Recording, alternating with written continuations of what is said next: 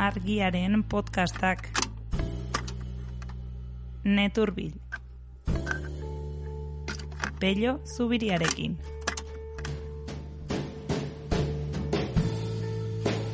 Afrikarrek ez ibili, Afrikarrak ez zaizte ez ibili e, nastuta oain e, zea nekazaitza sostantu behar dezuela, eta a ber, mundua bere velozia da drama, eta gero te interkonektatu da- daude. Zu egin berrezuna da gure elikagai merkeak erosi eta puntuta edikatu beste gauzetara. E, pentsatzen dut, e, gure unibertsitate neoliberaletan ere antzeko gauzak erakusten zaizkiela gazteei. Zehen eta globalizazioan nola hainona dan eta gero tobeto digoan, ez da, ez da sekula krisirik e, egongo. Eta krisis bat dagoenean, pues, zu arkitzen zera, ez daukazula pues, e, gaur e, gauean arraultza bat jateko.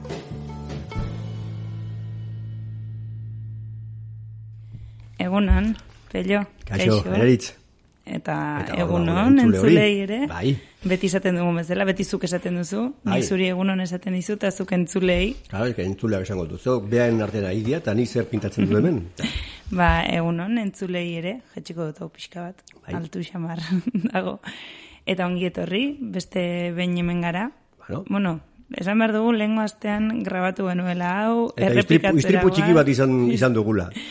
Ez behar baten galdu da, gure, gure audioa, eta orain bigarren buelta. Ba, bain, eta bain hobeto egingo dugu. Hobeto egingo dugu. Ez dakit gaur kukuari buruzko aipamenik egin behar dugun. Bueno, ez dakit, eh, nor, zen, nork... Ah, bueno, esan dit eh, errezilgo norbaitek. Norbaitek, han, ez? Esan dizu. Han, eh, gehiago entzuten omen dela. Bueno, zorionak, errezildarrei. Nik eh, eh, kontatu behar dudana da, horioko entzule batek eh, idatzi digula, entzule irakurle batek, emozionatuta zen eta bera ohartu zela, bueno, emozionatuta, bera guztezurako e, gizon horrek, e, ez dakit, bitxo berezi bat, o raro bat zela, zen eta berak entzuten zuen, entzun du orain arte kukua orion nun, eta kukuarri deitzen den paraje baten, eta ez du entzun. Eta lagunei eta komentatu ziren, eta ba, ba, ba, eta zer. Eta orduan, bueno, ba, ikusita, naiz eta batean entzundan da bestean ez, eta batean geixio eta bestean, baino. Fenomeno orokor bat dela kukuaren e, galera eta horrek e, e, e, biodiversitatearen eta e, egoera orokorraz ematen duen e, sintoma larria, ba, bueno, ba, eskertu digu, eta, eta pozik zegoen, betzat, beha sentitu delako lasaiago, berak asko bizi du gainera biodiversitatearen eta naturaren, eta bueno, naturaren ez, azkenean, gure natura gara, eta gure etorkizunaren e, kinkalarri hau ez, Torre, bueno, pentsat, e, analizia ni ere ondo ari nintzen, bueno, hori da, aipamena. Bueno, entzulekin egiten ari garen ikerketa txiki hontan ondorioa da, etorri diren kuku urri hoiek errezilen gelditu Ba, direla. nunbait. Ematen duen ez ez? Bueno, errezilen beti izan dira, bueno, ez dut esango, ez dut esango, ez dut errezildarrak asaratuko zaizkit. Bueno, ba, gatozen, gatozen gaurko gaira, kukuaren ari zaigu e, zer esana ematen, baina, Bai. bueno, gaur beste gai batzu heldu behar diegu, eta nahiko, nahiko potoloak, Bai. esango nuke dela gaurko gaia, goseari buruz hitz Bai, egingo dugu, ez? gosearen geopolitika. eh, hor- horrela esan da, ja Bai. gozea potentea bada, eta geopolitika ere bai, Bai, biak bueno, batuta ez dakit. po- Polita zer- erakargarria gelditzen da, ez da irakurleak esatuko, a ber, zertaz ari dira asteotan. Bueno, eta nondik atera duzu gozearen Bas, eh, bueno, geopolitikaren atera behar handirik ez zegoen berez, bai, geo, bai gozearen geopolitika eh, kontzeptu edo formula hori, baina bueno, asko aipatzen da eh, azken hilabete hauetan, eh, munduan leku askotan eh, gozetea zabaltzen ari dela, edo laster zabalduko dela, horrek on, dakarz- dakarzkin ondori guztiekin, ap- aparte eh, personek pasatzen duten eh, egoera, osasun egoera larria, ba, egoera sozialare komplikatzen dela herrialde horietan, eta aipatzen da, Ukrainiari lotutako, bueno, barkatu, Ukrainiako gerra edo inbasio edo dena delakoari lotuta dagoela e, e, labore edo zereal falta, horrek e, Ukrainiatik urrun xamar dauden herrialde batzutan ere sekulako egonezina sortu dela, eta beraz gozea bada gai bat e, gozea eta, eta elikadura.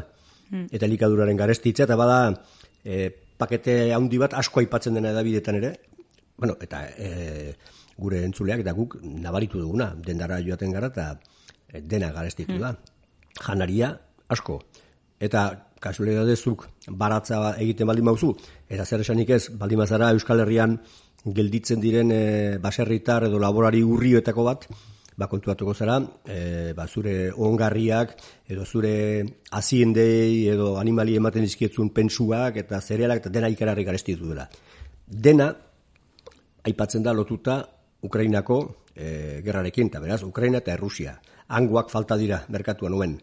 Hmm. Eta, kasualidadea izan da, be, justu, e, bueno, ezkerre, ezker antikolonialean referentzia den zantre trikontinental edo zentro trikontinental horrek, justu e, Ukrainiako saltza hau piztu aurretik, edo bentsat azkeneko fase hau piztu aurretik atera zuela e, ze bat, e, liburu bat, mm. eh?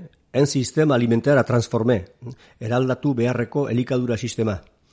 Eta hor e, sartzen da gozearen geopolitika. Bueno, luze kontatu dut, baina hori Bai, la, labur bilduta esango denuke nolabait e, gozea badirudiela edabidetan zabaltzen ari diren mezuarekin e, Ukrainako gerrak ekarri duela, bai, edo bueno, haunditu bai. duela, baina esaten duzuna da Ukrainako gerraren aurretik atera zela informe edo artikulu hau ziona, azken urteetan e, gozetea zenbat ari zen azten. Bai. Eta hori lotu genezake e, nazio baten erakundeak jarri zuen helburuarekin bai. 2008 marrerako munduko gozetea egitearekin ama, amaitzea. Hoi da. Eta badirudi ez da bide honetik ez. Hau da, zuk, zuk esan duzu ez, e, e, badirudi orain hasi dela gozearen e, gai hau. Hombre, pixka bat, albistea begiratzen baldin mauzu, badaude gauzak txokante xamarrak egiten direnak ez. Hau da, e, Egiptok e, bere labore eta zerealen euneko laro gehia e, Rusia eta Ukrainatik importatzen du eta hui, ze, ze, ze berezia ez da. Egipto esango genuke, esango genuke, eta esaten da, dala, e, neolitiko zona, ba, justu, laborea, e, etxekotu domestikatu duten e, lekuetako bat. Ordan zer gertatu da tarte hortan, da, nundik iristen da kolpetik, edo ez kolpetik, Egipto bat, e, Tunisia, e, e, Saheleko e, herrialdeak, e, nundik iristen dira, hoiek, hain menpeko izatera, e, itxasuaz bestaldetik egiten den e, zere, zere Eta justu hortaz da e, aipatzen dugun e, e, zera ez, e, liburu hau. E, zuk aipatzen zenuen, e, garapen iraunkor baterako helburuen da histori hori. Hau da, 2000 eta e, amabostean, nazioen erakundeen, e, zeak, nazio batuen erakundeak, ezartzen ditu, nolabet, milurteko helburuak eta, bueno, beti mm. biltzar baten ez bada bestean, olako hitz potoloak erabiltzen dugu, baina e, helburuak ezarri da, eh? eta bata da, 2000 eta hogeita marrerako munduan desagerraraztea, e, gozea desagerraraztea. Eta hau esan dute, bueno, 2000 eta amagosta pasatu zen, eta norbaitek egin aldu kontabilitatea. Ora, berak egin dute kontabilitatea. Hmm. da, irakurri dituzte, eta zenbait adituk komentatu dituzte e, urte horietan gertatu diren gauzak. Eta ikusten da, 2000 eta amabostean, e, baldimazian, e, seireunda oitamar milioi persona zeudenak goserik, 2000 eta hau da, lau urte beranduago, ez ziren gutxiago. Ez ez, ziren, hmm. berrogeita mar, irurogeita mar, milioi gehiago. Ari gara egiten, gutxi gora bera, eguneko amarreko igoeraz, lau urtean. Eta gero, segitzen baldin badugu, ja 2000 eta, ama, 2000 eta hogeita biko hasieran, ez, ja, Ukrainako e, gerra hasitako, baizik lehenagotik, ja, zortzireun eta irurogeita mar milioi persona zeuzkan gozeak harrapatuta. Hmm. Horren esaten du, zer ari da hemen e, gertatzen. Hau da, badirudi, e, planetaren beroketaren aurreko transizioa eta guztioetan oso komplejoak diren bezala, askoz erresagoa izan behar duela eta horregatik jartzen dira helburuak ere. Ez dugu itxoengo deskarbonizatzeko bezala 2000 eta berrogei arte, ez ez, 2000 eta marreako, zero gozete. Eta ez, ez, da, ez da la kumplitzen zero gozete, baizik eta seireun eta oita amar milioitik, zortzireun da iruro oita amar milioira pasatzen dela. Horran, bueno, horrek hor, hor, esan nahi du, hor korapilo handi badaola. Eta horkoaz gosearen geopolitika deitzen diogun honetara, ez? Ez dela, e, badagoela, politikotik asko duela e, gosearen kontu bai. honek ez dela zorte txarra duten herrialde batzuk daudela bai. eta zorte ona dutenak. Bai. Eta niri gustatu zait eh, jartzen duzun esaldi bat, e, goseteak harrapatu dituen herrialdeetan ez dela janaria falta. Bai. dirua dela falta dena. Hori da. Ez, horri ikusten da, Hori da. trampa nundik datorren. Hoi da. Ze, e, hori da, bueno, azkenean, e, artikulu hau egiteko, erabili dugu, aipatu dugun liburu horren e, koordinatzailea, da Laurent e, Delcourt. Eh? Hau da, soziologo eta historialaria. Eh? Esango nuke Belgikakoa dela. Eta, e, honi indiote elkarrizketa bat, e, guk arkitu dugun frantsesezko podcast batean, zu egiten duzun podcastaren antzeko beste bat, Antzeko egiten du, bai. Eta eskertzen da, ze azkenean, e, koordinatzaileak labur biltzen du, guk bestela, e, irakurri ezingo genuken e, liburu bat e, bere horrialde guztiekin. Orduan, berak esaten duena da, E, aigara hitz egiten, aber, e, elikagaiekin, oza, zer gertatzen da, ba, adibidez aipatzen ditu, Afrikako saheleko herrialdeak. Niger, Burkina Faso, Txad, Mali, Mauritania, edo beste urrutirago e, Afganistan, Yemen, e, hoi denak elkarrekin daukate zer ikusi eta da txiroak diela. Batzuk, e, da- dakarte txirota, txirotze prozesu luzeago bat, adibidez sahelekoak eta, eta horiek harrapatzen ditu klima aldaketak eta mila gauzak, baina horiek dakarte prozesua, baina gero Afganistan bat, edo Yemen bat, horren dela urte batzuk ez ziren txiroetakoak, eta hor daude lotuta gerrarekin. Eta beste batzutan, Bangladesh eta India eta bar, daude beste, baina txirotasunarekin lotuta. Orduan, e, lehen da bizi atentzio egiten dizu, ez? Bueno, osea, baldin baude da, janari, janik ez daukatelako. Ja, baina eske, janik ez daukate, dirurik ez daukatelako. Baina, e, hau da, zuri garia ez dizu dolarrak ematen, zu garia ere dezakezu. Ja, baina eske, hor sartzen da bere e, analisi historikoa. Eta hor goaz, irurogei garren amarkadara. hori da, nola da posible, e, zuk berez zure populazioaren parte haundi bat, haundiena, baserritarra zenuen leku batean, zuk esatea orain, ezin duzula e, e, ba, laborerik edo, edo janarik e, sortu, dirua behar duzula. Bada, parte bat, ba, esplikatu daitekena, adibidez, lehorte handi batekin, bezegin, bada, ondamendi natural batekin esplikatu dezakezu. Baina hemen sartzen da beste ondamendi bat e, geopolitikoa, gizakiok e, provokatua. Eta da, e, herrialde horiek bultzatu dira, e, beren e, baserritar eta nekazari sarea desegin, eta beraz, beren elika, e, elikadura, ez ja soberanetasuna, hitz handia da, ez ez, elikadura segurtasuna ere, ustea, beren, nolabait, e, zorraren eta balantze ekonomikoaren, e, ordainketa balantzearen e, baitan. Ze azkenean, zu gero eta janari gutxiago sortzen duzu, eta gero eta diru gehiago gastatu behar duzu, gero eta handiagoa den zure populazioa e, elikatzeko. Galdera da, eta nola, nola iritsi zara zu zure baserritarrak suntzizera? Hori da, osea, zu janaria izan eta beste herrialde batzuetatik eh, erosten Eta- astera. Hori da. Orduan, egia da, e, beti historiara jotzea, badala baita ere, ba, batzutan, izan lehitekela desmobilizatzaile ere, baina ulertzea ere importantea da. Orduan, momentu batean, e, momentu batean ez, ja, bigarren gerra mun, mun, e, mundialaren ondoren, e, batez ere estatu batuak, baina gero Europa bera ere, e, azten da, energi fosileak e, modu industrialen erabiliz, gero eta janari gehiago sortzen modu industrialean. Eta hor, e, soberakina daude, estedentea daude.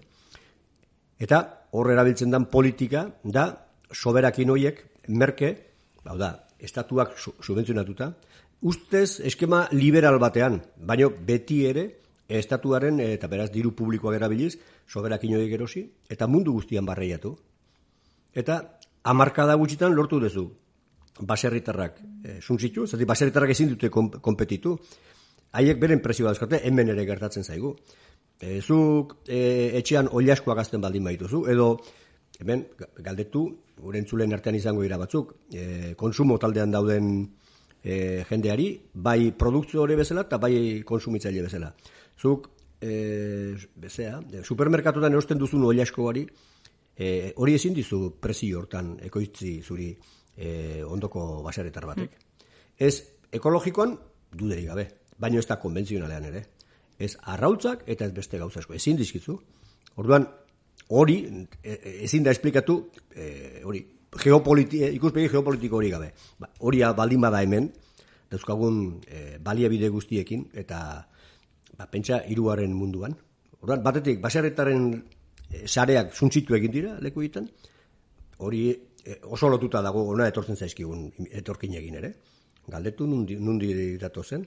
E, oso gutxi komunikatzen gara, hemen, e, baina, bueno, e, zeak e, kantzontziluak edo galtzerdi esaltzen dizkiguten e, Afrika roiei galdetu, galdetu, bere aitak zer egiten duena, mazar egiten duena, han zer dagon, bere senideak nola gelditu diren, hori da, e, desegina dagoen e, sare bat, eta horri gehitu, elikatzeko modu ere aldatu indezula.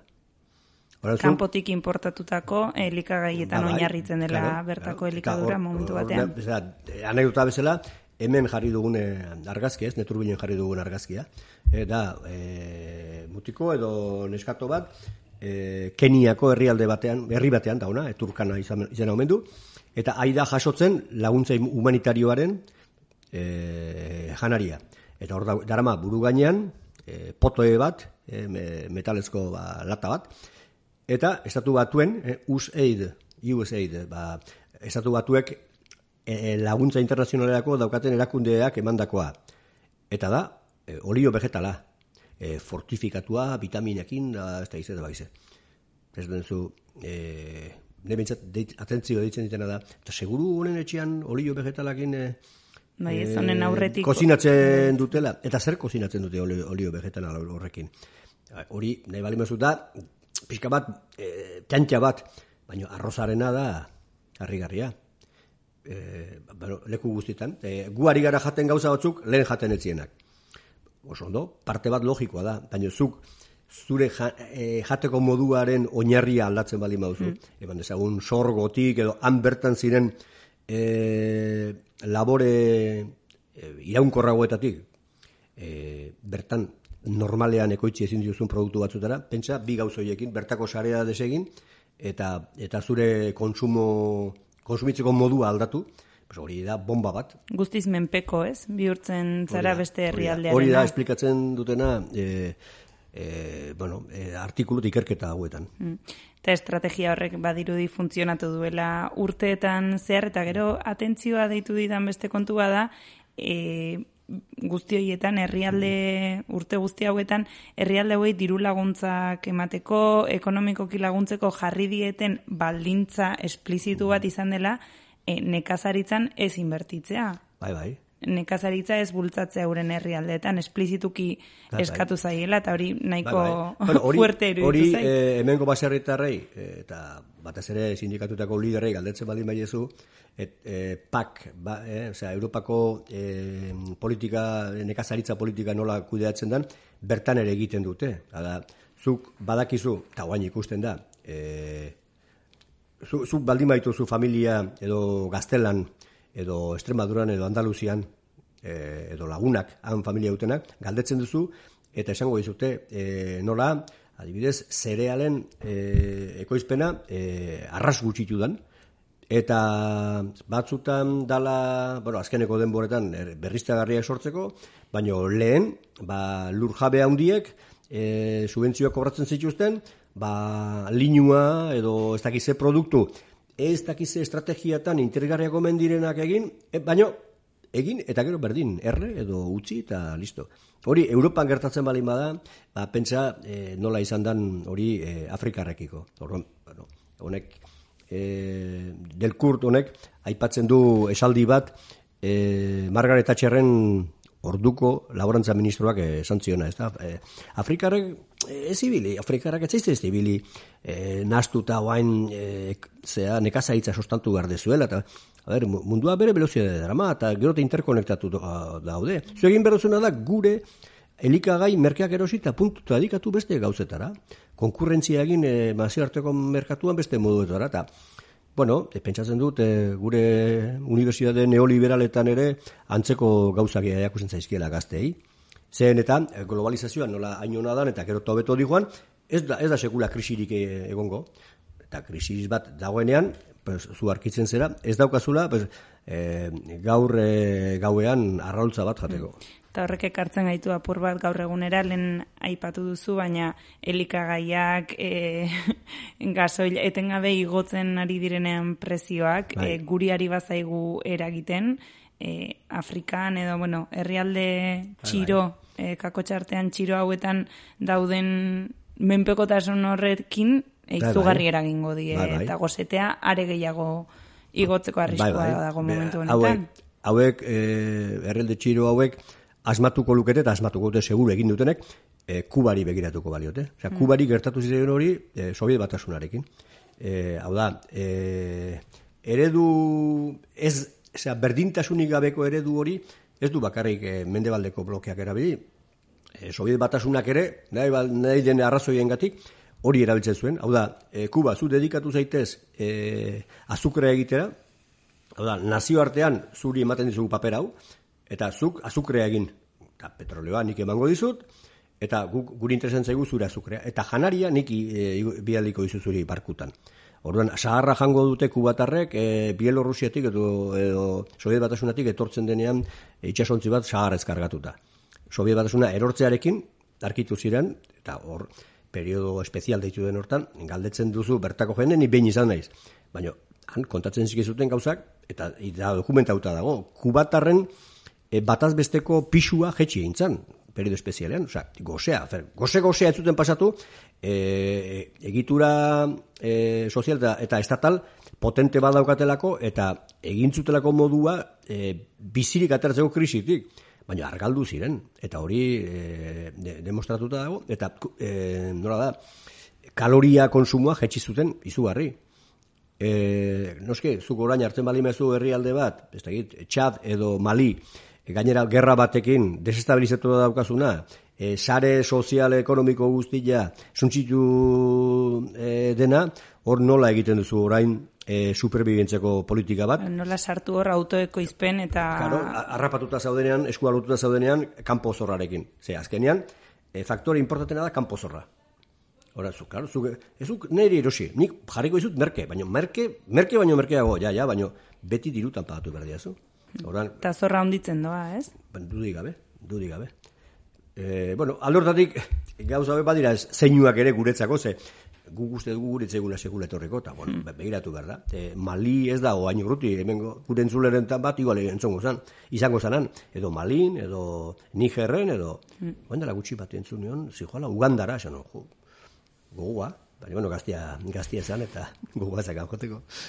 Hori da, eta hor, hor sartzen gara ez, nola eman e, gozeteari buelta, nekazaritza suntxituta duen herrialde batean, orduan irten bidea zer litzake. Bai. Nekazaritza sustatzeko e, modu utopiko batean pentsatzen hasita, nekazaritza e, sustatzea, es, alternatiba sortzea... Ez, ez dakit, e, hor, el, azterketa hontan, bai, badaude aditu batzu, ugalden belo, eta horiek e, proposatzen dutena da, azkenean, bai bia kanpesinen mugitzen direan basarretarak eta esana daukate. Hori e, esana, erakutsia, e, azterketak eginak eta e, beste modu batera egin behar dela lana nekazaritzan. E, gainera, nekazaritza industrial mota hau, erabat e, ez eraginkorra da, inefikaza da e, energiaren e, erabilera. E, baina, bueno, epe, epe laburreko e, soluzioekin gabiltza deno, e, hemen bertan ikusten da ze, ze irten bide e, plantatzen diren, e, janari, janari gehiago sortzeko, teknologi gehiago, robot gehiago, e, eta horta, hortara doa Europa. Mm. Eta orduan, bueno, e, soluzioak esana daude, baina importanteena da, e, eta nik uste horregatik dela interesantea azterketa hau, ba, gogoratu eraztea, zein diren gakoak. Hmm. E, gero, e, soluzioak, esan da eta beretu behar dira soluzio horiek, baina gakoak zein diren, eta gakoak ez dira, askotan, begibistan dauden txik horiek. Tamales ez dira, hola. Hmm. Zelen nahi patu duguna, ez askotan gozetearen eta herrialde txiroen kontu honek dirudi zorte kontu badela e, bai nun, nun jaiozaren, nun tokatu zaizun, ez? Eta, bai. eta ez dela horrela, puzle hau bai. Eh, montatzen doan zerbait dela, eta bai. geopolitika ulertzeko beharra hortik... Be, bera, e, bera aipatzen diren herrialde horietako batzuk, e, e, idorteak sarritan ekuitze dituzte, eta klima aldaketarekin gehiago izango dituzte, guk ere hemen dauzkagu bezala.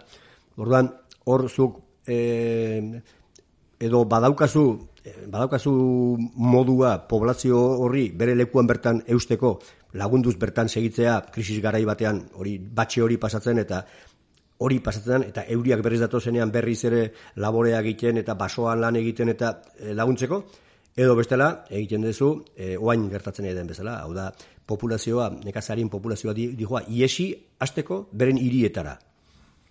Eta e, ona etortzen zaizkigunak normalean dira hirietara joan diren baseretar familietako e, e, bueno, seme alabak dira datozena. Orduan, e, bueno, justu alderantzizko politika. E, hortarako haiek diru bat behar dute eta e, eta egitura batzuk behar dituzte mantendu alizateko populazioa bere lekuan. Hau da, hemen bezala, bas, baserritarrak lehorte bat bizi baldin dute, e, zuk nahi baldin duzu baserritar sarea biziri mantendu, laguntza sistema bat antolatu behar dezu, on, ondamendio horri aurre egin alizateko.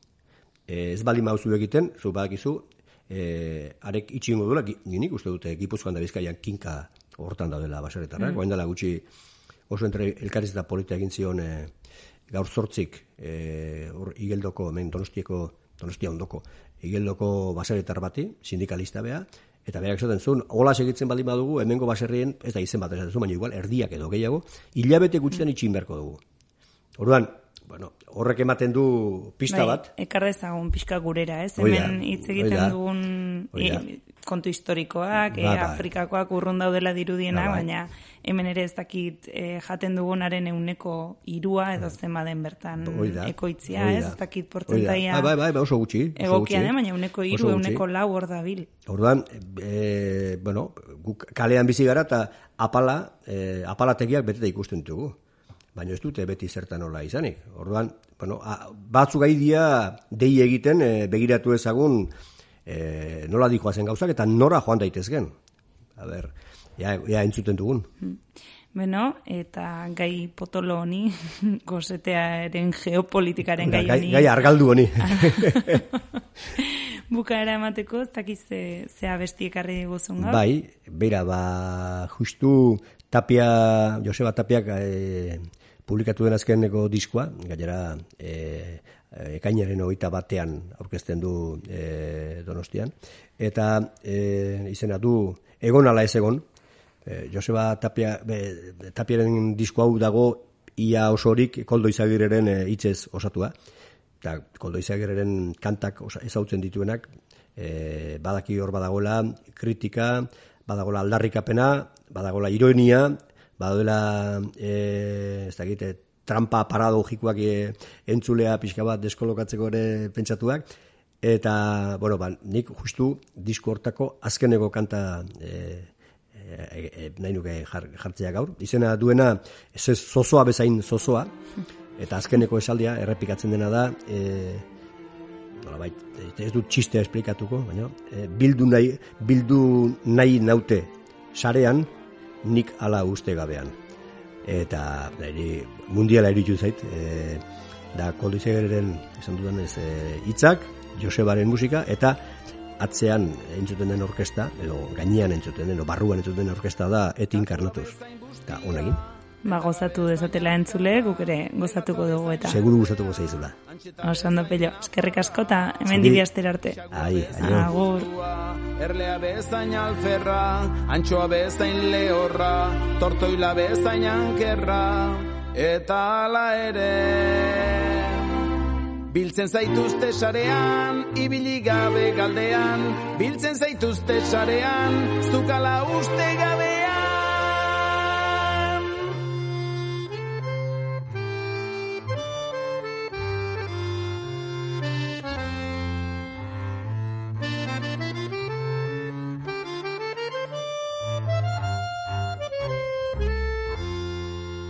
Lanperna bezain librea, satorra bezain zangarra, listorra bezain handia, enara bezain zakarra.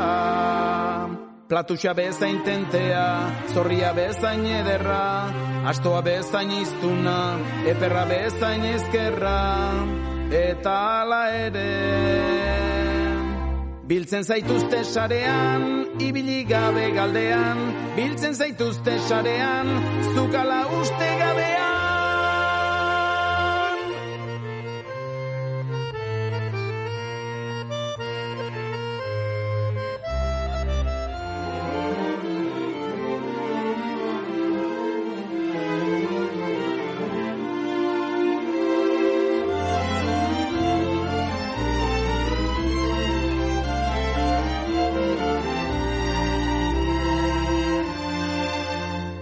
Urtsintxa bezain gaiztoa, kabutxa bezain xarmanta, inguma bezain jantzia, txepetxa bezain galanta. Eulia bezain gozoa, zakurra bezain etena, berdela bezain ergela, zozoa bezain zozoa, eta ala ere.